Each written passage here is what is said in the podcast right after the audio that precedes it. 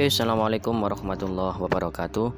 Selamat pagi dan salam sejahtera untuk kita semuanya. Semoga hari ini kita diberi kesehatan, kita diberi kemampuan untuk menjalani hari-hari ini dengan baik. Baik ya, uh, melanjutkan materi uh, mata kuliah analisis proses bisnis. Minggu ini kita akan membahas tentang tools for problem analysis.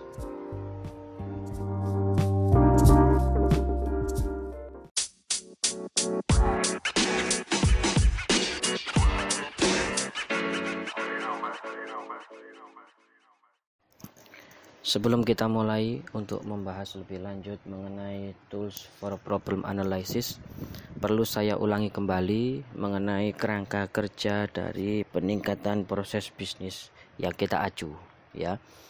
Jadi yang pertama secara umum ya, kamu bisa mengulangi episode minggu lalu. Secara umum yang pertama adalah proses understanding. Nah, tools yang digunakan antara lain adalah relationship mapping, flowchart, cross-functional flowchart, several level flowchart ya untuk memahami proses yang ada saat ini.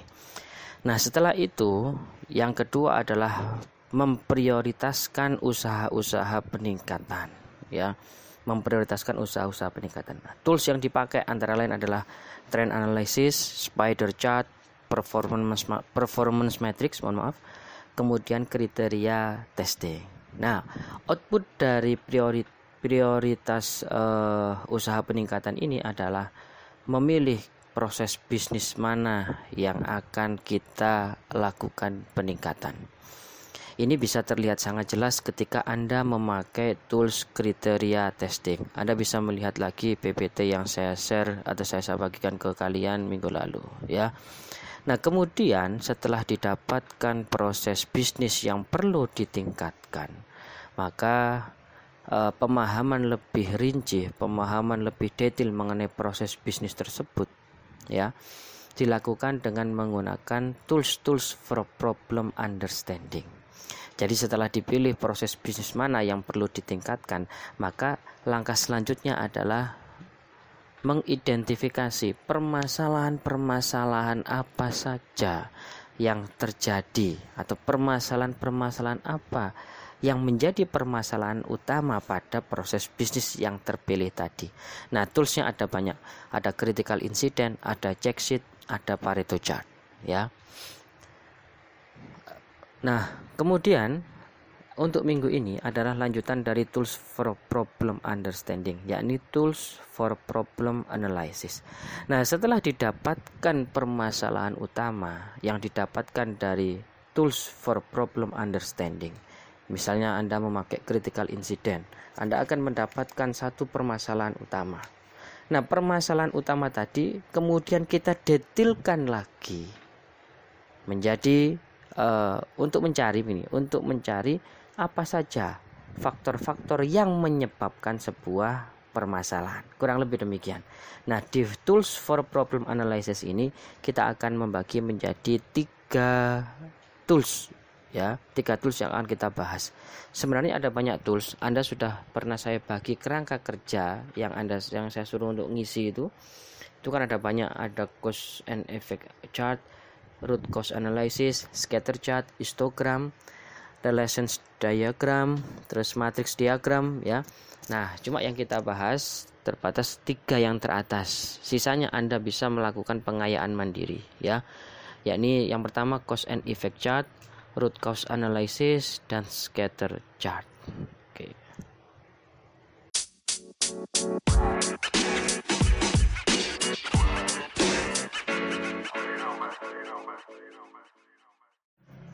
Baik, kita mulai dari yang pertama, cause and effect chart. Ya.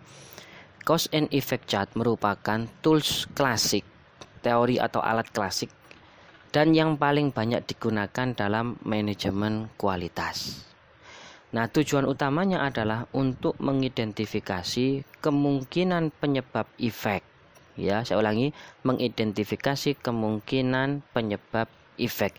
Jadi ada dua bagian di sini yang menjadi poin pentingnya.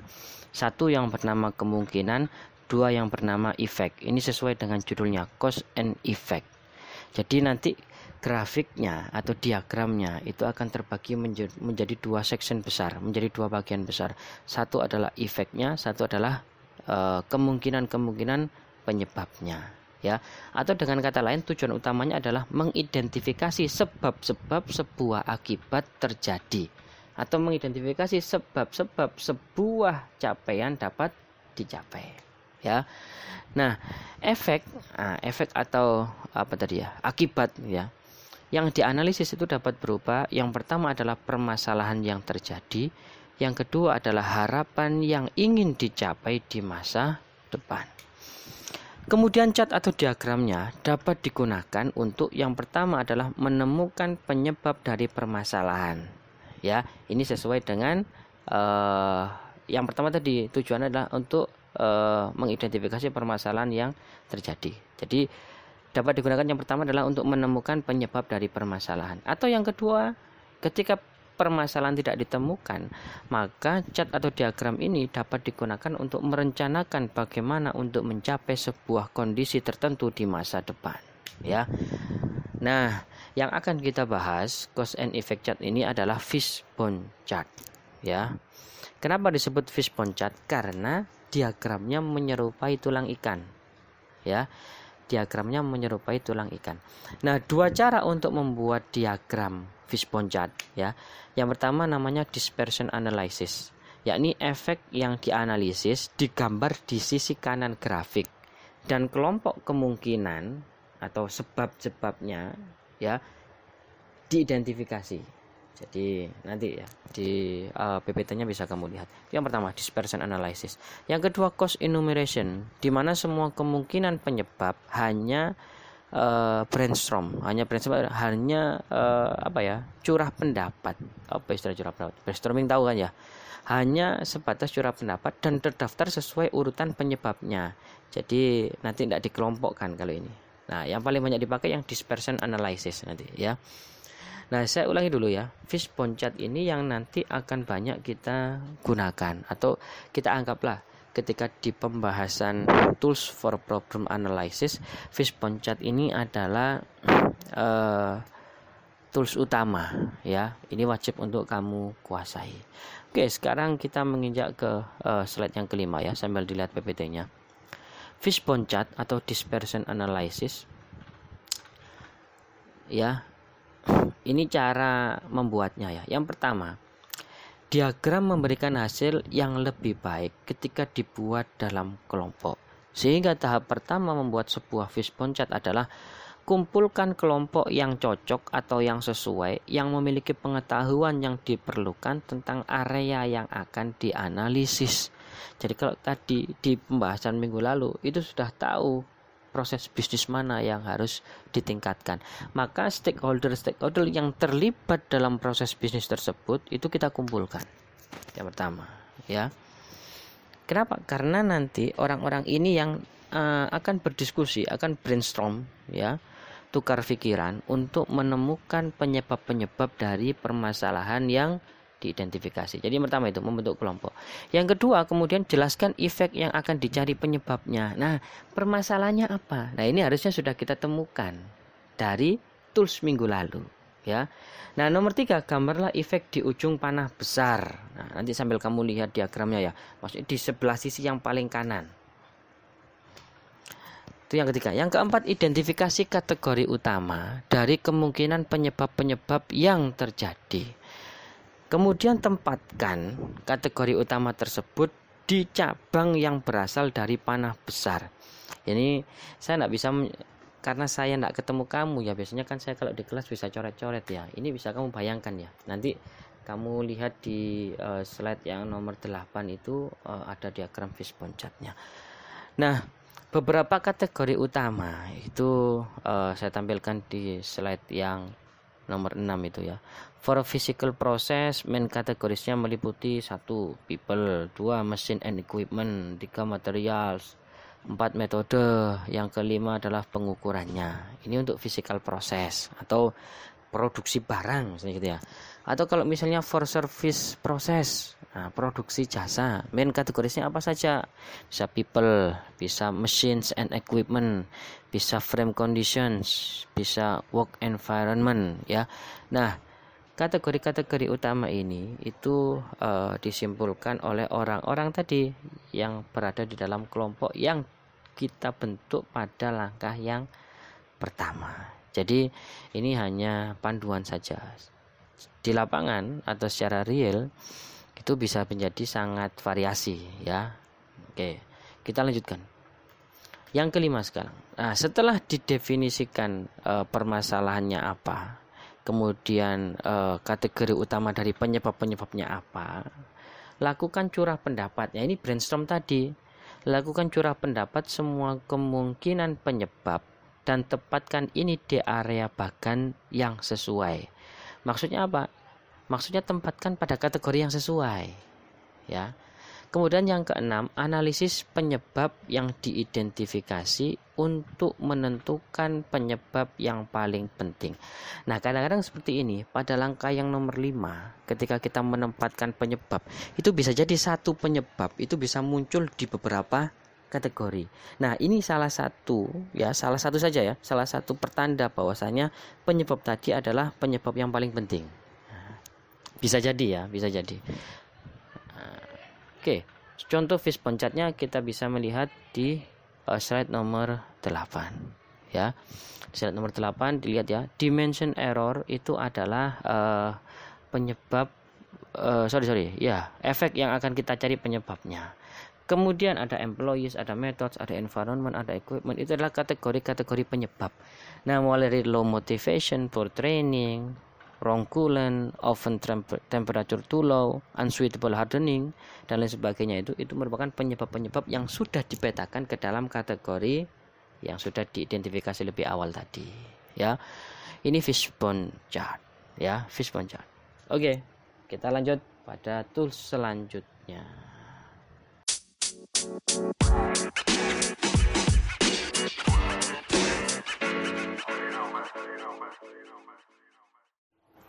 Oke, kita lanjut ke proses cat. Nah, ini singkat saja ya, karena ini adalah variasi dari grafik sebab dan akibat cause and effect uh, chart ya. Oke, kita lihat pada slide yang nomor 9, proses cat.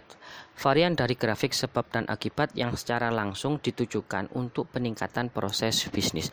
Jadi kalau misalnya uh, pada uh, pertemuan dua minggu ya dua minggu yang lalu harusnya yang sebelum UTS itu dari misalnya uh, sebelum critical incident itu apa ya? Sebentar saya lihat dulu.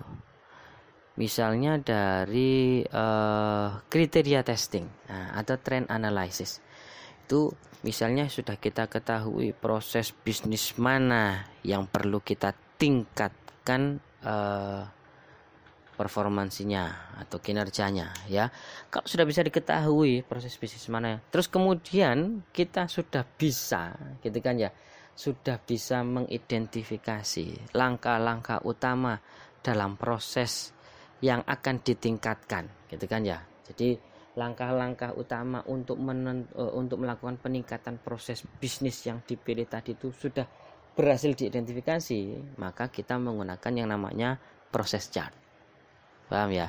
Jadi nggak perlu e, melakukan yang critical incident Pareto dan kawan-kawannya itu ya. Karena sudah diketahui gitu kan ya? Nah, untuk setiap langkah proses yang diyakini menciptakan masalah atau berkontribusi pada kinerja tingkat rendah, bahkan tulang ikan dibangun. Jadi begini, misalnya kita sudah mengetahui proses bisnisnya, gitu kan ya, atau mengetahui permasalahannya. Terus kita tahu bahwasanya, gitu kan ya, e, permasalahan tadi itu rantainya itu sudah kita bisa kita petakan. Atau misalnya bukan masalah misalnya kita ingin mencapai sesuatu gitu kan ya harapan di masa yang akan datang. Nah langkah-langkahnya itu sudah tergambar dengan jelas karena sudah baku langkah-langkahnya itu gitu kan ya. Nah maka ini bisa menggunakan proses cat.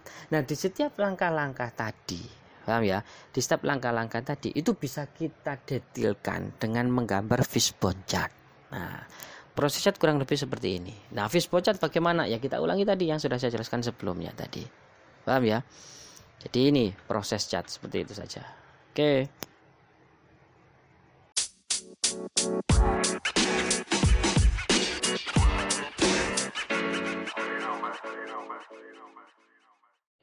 Oke, selanjutnya menginjak ke root cause analysis. Nah, nama lainnya adalah YY chart atau five whys. Tujuan utamanya adalah menemukan penyebab sebenarnya dari sebuah permasalahan. Nah, kadang-kadang sebuah permasalahan itu bukan merupakan akar permasalahannya, tetapi kita harus mencari dulu akar permasalahannya dari. Nah, bagaimana cara menemukannya? Dengan menanyakan why terus-menerus. Ya, sampai nanti tidak menemukan lagi why-nya. Why itu adalah akar permasalahannya. Nah, root cause analysis ini dapat dihubungkan dengan diagram sebab akibat untuk memastikan apakah setiap penyebab yang diidentifikasi benar-benar merupakan akar masalah. Nah, prosedur root cause analysis, jadi prosedur e, cara membangunnya atau cara menggunakannya, cara membuatnya. Yang pertama adalah tentukan titik awal. Apakah masalah yang harus analisis lebih lanjut? Jadi tentukan dulu permasalahannya apa. Ya, ada sebuah permasalahan ya. Kemudian gunakan curah pendapat atau brainstorming untuk menemukan penyebab pada tingkat di bawah titik awal. Jadi yang pertama tadi adalah masalah yang masih besar gitu kan. Nah, kemudian kita akan mencari akar permasalahannya. Nah, cara mencari akar permasalahannya dengan melakukan brand brainstorming tadi ya. Dengan melakukan brainstorming tadi untuk setiap penyebab yang diidentifikasi, ajukan pertanyaan mengapa ini menjadi penyebab masalah asli. Jadi ada permasalahan, kita identifikasi lagi, mengapa kok ini menjadi penyebab permasalahan. Nah, nanti kan ada jawaban-jawabannya. Nah, jawaban tadi tanyakan lagi, mengapa menjadi penyebab masalahnya. Jadi begitu terus. Nah, untuk setiap jawaban baru untuk pertanyaan, tanyakan pertanyaan berulang kali sampai tidak ada jawaban baru. Ini mungkin akan menjadi salah satu akar penyebab masalah. Nah, biasanya membutuhkan lima putaran pertanyaan mengapa. Tapi jika misalnya tiga pertanyaan mengapa saja, itu sudah sampai pada pertanyaan yang tidak ada jawaban baru lagi, maka tidak masalah, ya, tidak ada masalah. Ya berarti itu adalah akar dari uh, permasalahannya ya. Nah, jika pertanyaan sedikit dipelintir untuk bertanya bagaimana, jadi nggak tanya mengapa tapi tanya bagaimana, daripada bertanya mengapa, teknik ini dapat digunakan untuk menemukan cara root untuk mencapai keadaan atau yang diinginkan. Jadi gini, masih nggak ya tadi ya di uh, root cause analysis itu kan digunakan untuk dua, satu mencari penyebab sebuah permasalahan atau yang kedua adalah untuk merencanakan uh, bagaimana cara mencapai suatu keadaan yang diinginkan di masa depan. Nah, pada tujuan yang kedua ini berarti pertanyaannya bukan mengapa tetapi bagaimana. Saya dipahami ya? Nah, Oke. Contohnya ada di halaman 12. Oh, sorry. Di di page 12.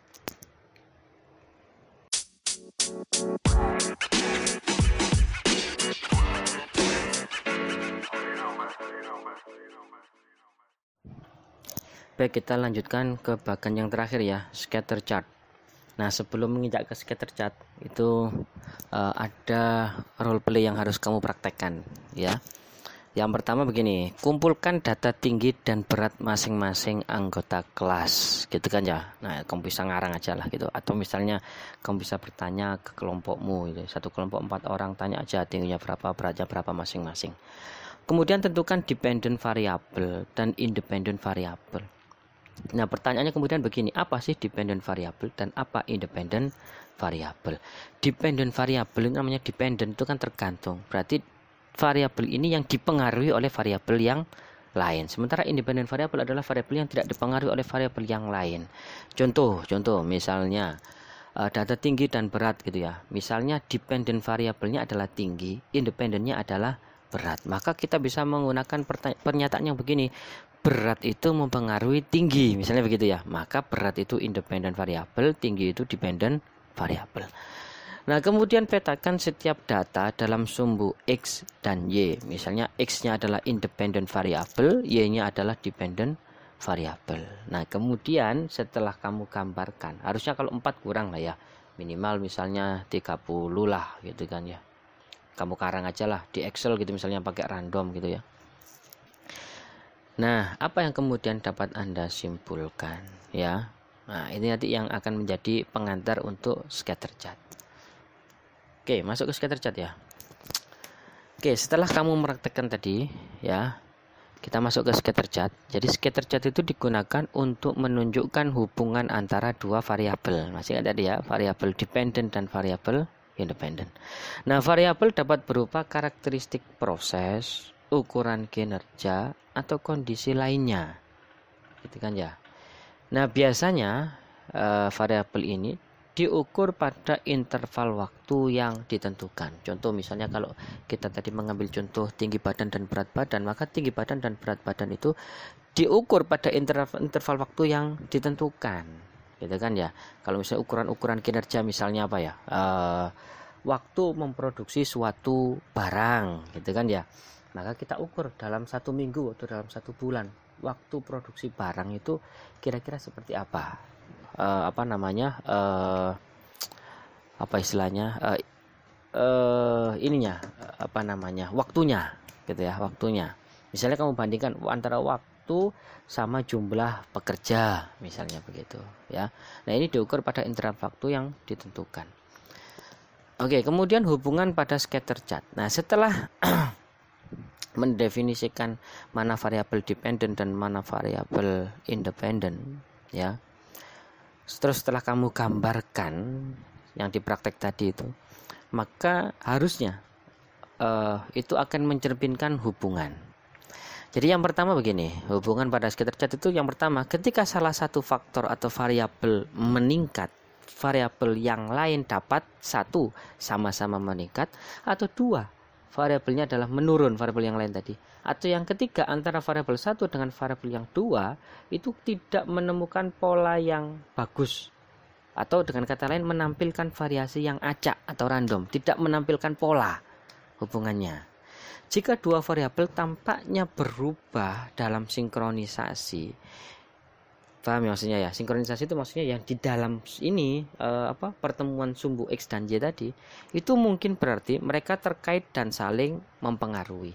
Misalnya patternnya semakin naik gitu kan ya atau patternnya semakin menurun. Nah, itu kan artinya ada hubungan.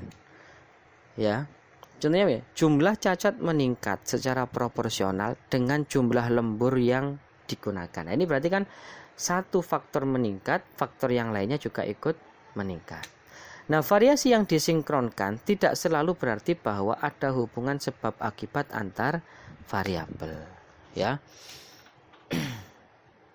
Nah, derajat korelasi hubungannya. Nah, kalau gambarnya yang pertama ya, strong positive correlation. Nah, lihat kan patternnya kan terlihat gitu. Semakin jauh titik X dan semakin tinggi titik Y, maka uh, ini. Semakin tinggi x maka semakin tinggi y pula. Itu adalah strong positive correlation. Ya. Kalau misalnya mirip dengan strong positive correlation namun lebih menyebar titiknya maka tapi polanya masih bisa dilihat gitu kan ya? Itu possible positive correlation. Nah kebalikannya strong negative correlation dan possible negative correlation. Nah yang terakhir kalau no correlation menampilkan uh, pattern yang sangat random, sangat acak, ya, jadi tidak terpola. Nah itu no correlation, tidak ada hubungannya akhirnya. Nah anda tahu nanti kamu praktekkan yang tinggi sama berat badan itu apakah ada hubungannya atau tidak antara tinggi dan berat badan itu. Kalau misalnya uh, grafiknya itu seperti seperti derajat korelasi no correlation, maka ya berarti tidak ada hubungan antara tinggi badan seseorang dengan berat badan seseorang. Ya. Nah, sekarang bagaimana sih cara membangun sebuah scatter chart? Yang pertama adalah pilih dua variabel, satu variabel independen dan satu dependen untuk diperiksa. Masih ingat ya tadi ya pengertian independen dan dependen. Misalnya contoh lah, kita punya sebuah permasalahan, terus kita mengasumsikan bahwasanya penyebab sebuah permasalahan adalah e, penyebab A, misalnya begitu. Maka penyebab A itu akan menjadi variabel independen. Masalahnya adalah menjadi variabel dependen. Kenapa? Karena masalah dipengaruhi oleh penyebabnya. Nah, variabel dependen itu variabel yang dipengaruhi oleh variabel yang lain. Saya ya, jadi yang pertama pilih dua variabel, satu variabel independen dan satu variabel dependen untuk diperiksa. untuk setiap nilai variabel independen, nilai yang sesuai dari nilai dependen diukur. Jadi harus ada apa ya perimbangannya. Jadi satu nilai di variabel dependen juga memiliki satu nilai di variabel independen ya. Nah, biasanya minimal harus 30 ya. Lebih disukai lebih dari 100 pasangan data. Jadi minimal 30 data. Makanya tadi saya bilang kalau 4 data kayaknya kurang gitu ya. Maka minimal harus 30 dan lebih baik lebih dari 100 data. nah, setelah itu Gambarlah bahkan itu sendiri menempatkan variabel independen ya atau penyebab yang diharapkan pada sumbu X dan dependent efeknya itu saya pastikan masalah tadi pada sumbu Y. Kemudian plot pasangan data yang dikumpulkan pada bahkan dan analisislah. Jadi analisislah ya kira-kira derajat korelasi hubungannya itu masuk yang mana. Kalau misalnya strong positive correlation, ya artinya berarti penyebabnya itu merupakan penyebab masalah sebenarnya. Ya, kalau no correlation berarti asumsimu tadi ditolak. Artinya apa? Tidak ada hubungannya antara penyebab sama permasalahannya tadi, ya. Nah, begitu juga dengan strong negative correlation. Nah, di sini cuma ada dua pilihan, no correlation dengan correlation. Nah, kalau correlation apakah korelasinya positif atau korelasinya negatif. Kalau positif, maka semakin tinggi X, semakin tinggi Y pula. Kalau negatif, semakin uh, kebalikannya, perhatikan ya. Semakin tinggi Y, semakin rendah X, gitu ya, dan sebaliknya. Itu scatter chart. Nah, jika grafik menunjukkan suatu hubungan, variabel harus dianalisis lebih lanjut untuk mengkonfirmasi hubungan. Bahkan yang menunjukkan tidak ada hubungan seharusnya tidak secara otomatis mengarah pada kesimpulan bahwa tidak ada hubungan. Jadi kalau misalnya hasilnya no correlation, ya itu kan secara secara langsung itu kan kita bisa menyimpulkan tidak ada hubungan, gitu kan ya. Tapi di dalam analisis kita tidak boleh langsung gegabah mengatakan tidak ada hubungan, maka perlu kita periksa kembali, gitu kan ya, per variabel tadi. Apakah memang benar-benar tidak ada hubungan, gitu loh ya. Bisa melalui YY chat tadi, ya. Oke. Nah, di bagian yang nomor uh, di bagian yang uh, sorry di slide yang ke-19 bisa kita lihat. Oke, misalnya di bagian yang pertama, customer waiting time dengan number of complaints. Nah, di situ kan terlihat, ya kan? Di situ kan terlihat uh, apa itu berarti? Uh, positif gitu ya, posit, uh, possible positive correlation harusnya begitu. Kalau dilihat ya. Nah, pertanyaan begini, jika Anda adalah seorang pengambil keputusan, apa yang akan Anda lakukan setelah melihat kedua diagram ini? Oke, lihat diagram yang pertama dulu. Customer waiting time dengan number of complaints. Bisa dilihat kan ya? Kalau waiting time-nya semakin tinggi, waiting time-nya semakin lama, maka uh, komplainnya akan semakin tinggi pula ya komplainnya akan semakin tinggi pula. Nah sebagai seorang pengambil keputusan berarti untuk menurunkan komplain, nah komplain ini kan identifikasinya negatif kan ya. Untuk menurunkan komplain, maka kita harus memangkas waiting time-nya. Misalnya dalam bank gitu kan ya. Orang kalau terlalu lama menunggu gitu kan ya, itu kan komplainnya akan akan tinggi. Nah, bagaimana biar komplainnya nggak tinggi? Ya, waktu tunggunya dikurangi. Nah, bagaimana cara mengurangi waktu tunggu? Misalnya dengan menambah servernya. Misalnya yang dilayani semula dilayani oleh dua orang teller, misalnya ditambahkan lagi satu teller untuk mengurangi waiting time-nya, ya. Oke, lihat yang kedua sekarang. Hubungan antara temperatur dan defect atau tingkat kerusakan. Bisa kita lihat ya. Di temperatur 19 derajat Celcius, number of defect-nya 4.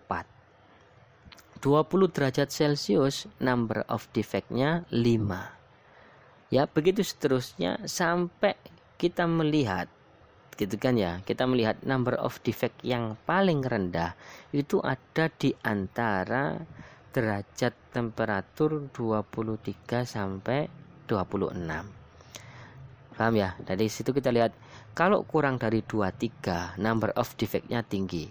Di atas 26 number defectnya pun tinggi.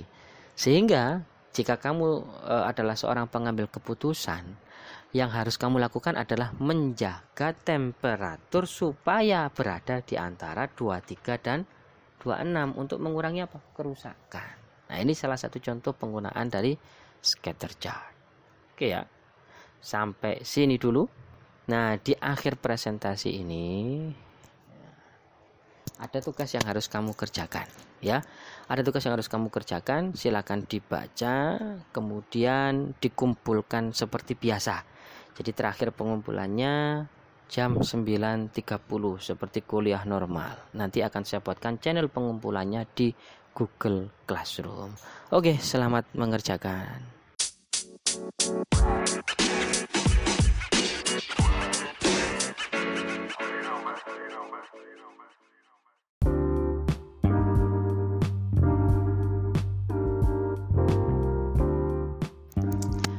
Oke semuanya uh, di akhir pertemuan minggu ini uh, kita sudah mencoba untuk kuliah melalui podcast mulai dari minggu yang lalu. Oke ya, uh, kalau misalnya ada pertanyaan, silahkan uh, submit ke Google Classroom ya. Langsung saja di timelinenya itu kamu uh, tulis pertanyaanmu. Nantinya pertanyaan-pertanyaan ini akan saya bahas dan saya jadikan bahan pada uh, podcast mendatang ya jadi silakan kalau ada pertanyaan dan yang belum paham gitu ya silakan kamu tuliskan di Google Classroom. Nanti akan saya bahas di podcast mendatang. Sekian pertemuan minggu ini dari saya. Saya mohon maaf kalau ada kata-kata yang kurang berkenan. Terakhir mari bersama-sama tidak lupa kita berdoa. Semoga keadaan yang kita hadapi sekarang ini semakin hari akan semakin membaik. Semuanya diberi kesehatan, diberi keselamatan, bisa menjalankan aktivitasnya dengan normal dan lancar. Amin. Ya, sekian dari saya. Assalamualaikum warahmatullahi wabarakatuh.